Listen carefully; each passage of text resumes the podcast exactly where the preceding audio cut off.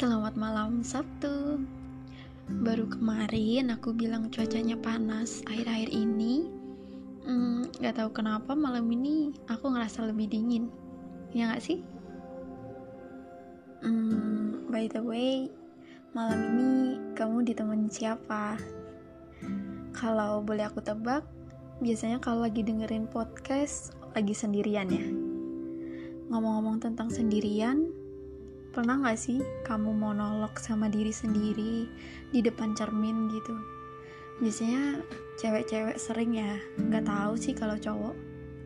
Atau biasanya mungkin kalau cowok monolognya di jalan lagi ngendarain motor, malam-malam, dingin, ya gak sih? Atau cuma aku doang yang gitu? Kalau nggak monolog, ya minimal nyanyi-nyanyi lah berasa konser gitu. Terus uh, pernah juga nggak kamu lagi sedih atau lagi marah atau justru lagi seneng tapi kamu menolak perasaan itu? Contohnya nih ya diputusin pacar atau ditolak gebetan terus kamu kayak ngomong sama diri sendiri I'm fine aku nggak apa-apa. Aku nggak sedih aku nggak marah. Nggak nggak boleh sedih terus beberapa menit kemudian buat postingan yang seneng-seneng gitu. Tapi nggak lama setelah itu kamu kepikiran lagi dan ya sedih lagi. Dan semakin kamu berusaha buat menolak perasaan itu justru semakin dalam perasaannya dan keinget-inget terus.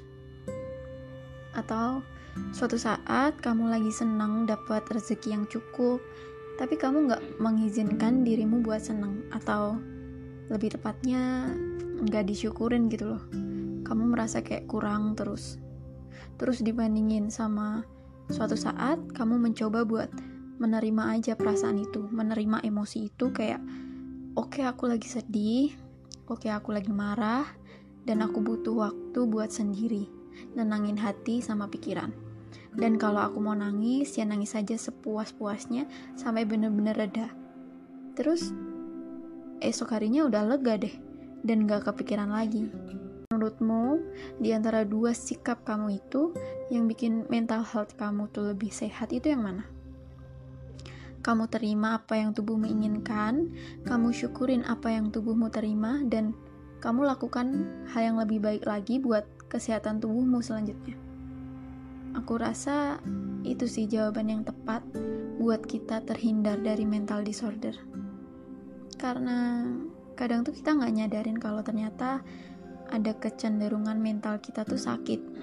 Kayak contohnya ya hmm, kita sering misal negatif thinking gitu nggak bersyukur nggak merawat apa yang udah diberikan sama penciptanya tapi kalau ada yang kelihatan lebih bagus dari sisi pandanganmu gitu kamu ngeluh sama diri sendiri.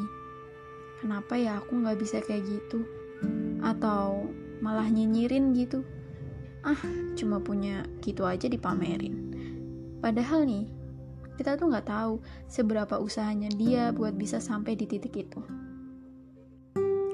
Jadi menurutku nih ya stop kita judge orang lain mulai dulu dari kita menghargai diri kita sendiri otomatis nanti tuh kita bakal menghargai orang lain dan percaya nanti lambat laun orang lain pun juga akan menghargai apa adanya diri kita tanpa kita minta. Gitu. Udah deh. Sekian coletahanku malam hari ini. Lumayan panjang dibanding yang kemarin deh kayaknya. Atau cuma perasaanku aja? Atau cuma panjang setengah menit? Gak tahu juga deh. Semoga podcast ini bermanfaat atau setidaknya menghibur kesendirianmu itu? Ya, kalau lagi sendiri sih. Oke deh, uh, selamat istirahat ya. Semoga mimpi indah.